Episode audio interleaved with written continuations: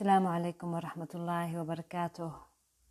Vrede zijn met u in Gods genade en zegeningen. Hoofdstuk 27. De genezing van de droom. Paragraaf 1. Het beeld van kruisiging.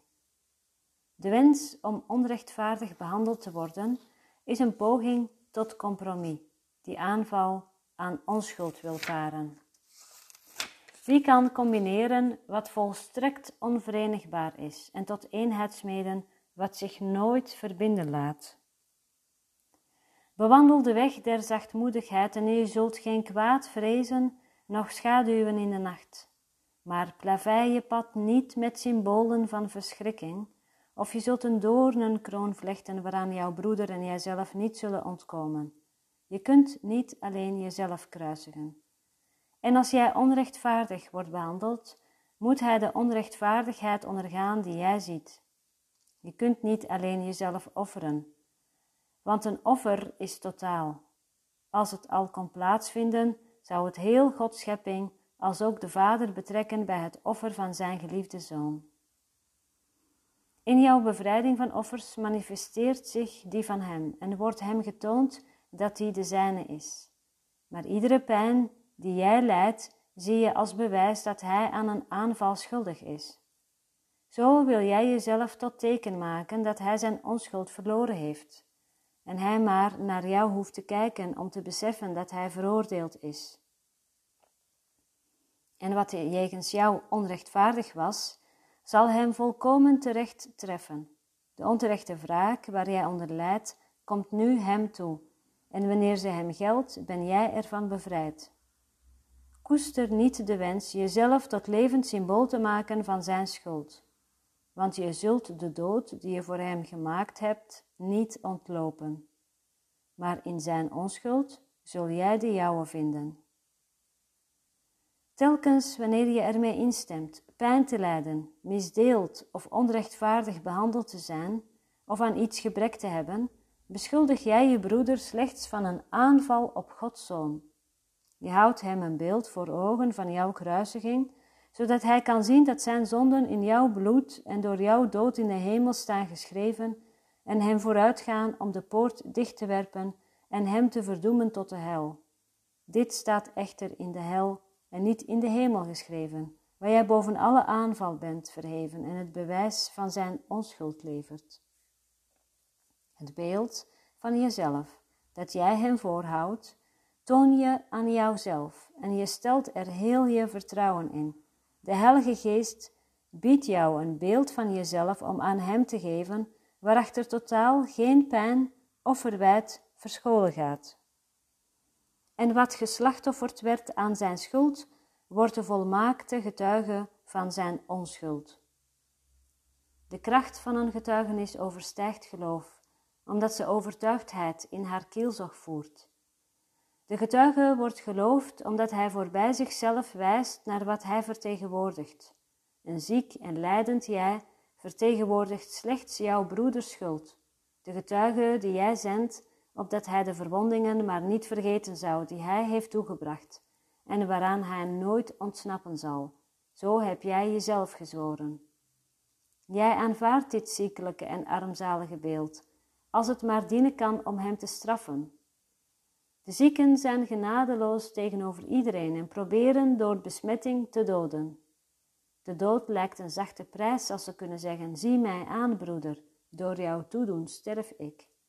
Want ziekte is de getuige van zijn schuld, en de dood bewijst dat zijn vergissingen wel degelijk zonden zijn.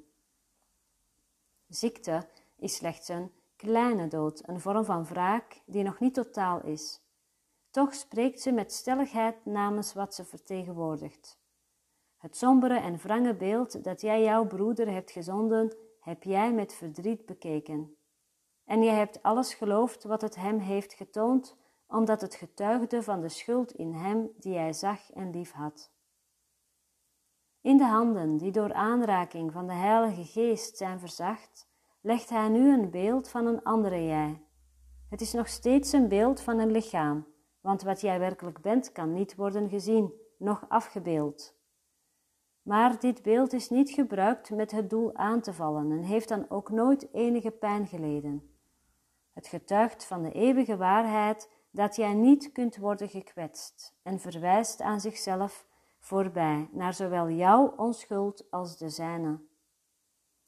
Toon dit aan jouw broeder en die zal zien dat ieder litteken genezen is en dat iedere traan met een lach en in liefde is weggewist.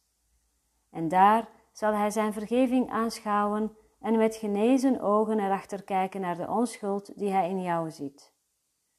Dit is het bewijs dat hij nooit gezondigd heeft, dat niets wat zijn waanzin hem gebood te doen ooit is verricht of ooit enige gevolg heeft gehad, dat geen enkel verwijt waarmee hij zijn hart heeft bezwaard ooit gerechtvaardigd was, en dat geen enkele aanval hem ooit kan treffen met de giftige en meedogenloze angel van de angst.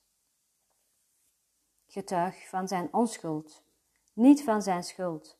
Jouw genezing is zijn troost en zijn gezondheid, omdat ze bewijst dat illusies onwaar zijn. Niet de levenswil, maar de doodswens is de motivatie voor deze wereld. Haar enige doel is te bewijzen dat schuld werkelijk is. Niet één gedachte, daad of gevoel in deze wereld heeft een andere motivatie dan deze. Ze zijn de getuigen die worden opgeroepen om te worden geloofd, en ze verlenen overtuigingskracht aan het systeem dat ze bepleiten en vertegenwoordigen. En elk heeft vele stemmen die in verschillende talen tot jou en je broeder spreken. En toch is de boodschap voor beide gelijk. De opsmuk van het lichaam probeert te laten zien hoe liefelijk de getuigen van schuld wel zijn. Zorgen over het lichaam tonen aan hoe broos en kwetsbaar jouw leven is, hoe gemakkelijk wat je lief hebt wordt verwoest. Depressiviteit spreekt van de dood en van de vruchteloosheid van echte zorg om wat dan ook.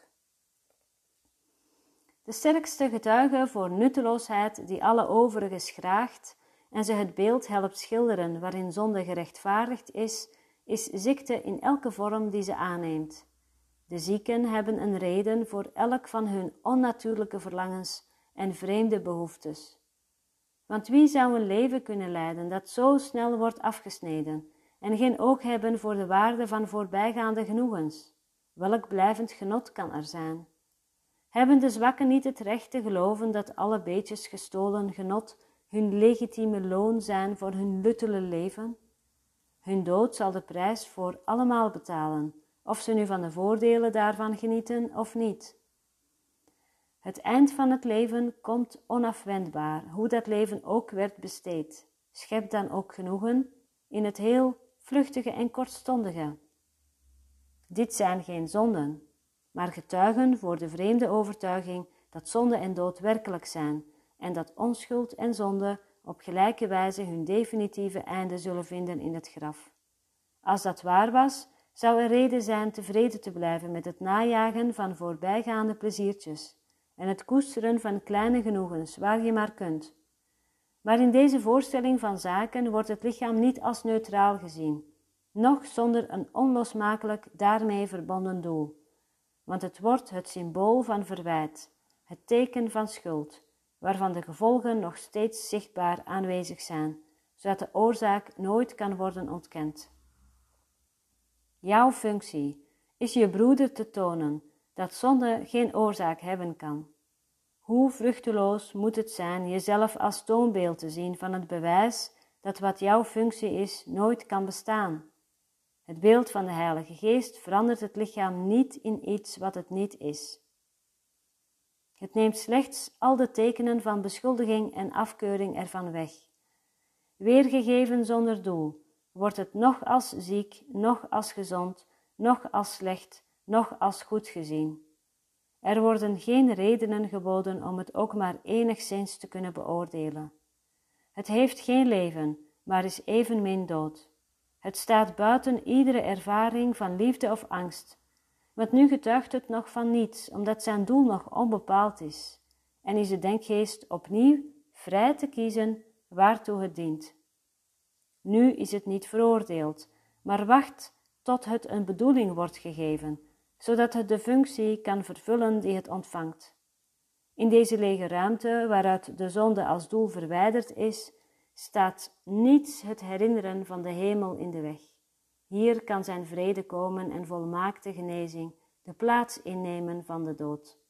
Het lichaam kan een teken van leven worden, een belofte van verlossing en een vleugje onsterfelijkheid voor degene die het beu zijn de kwalijke geur des doods op te snuiven.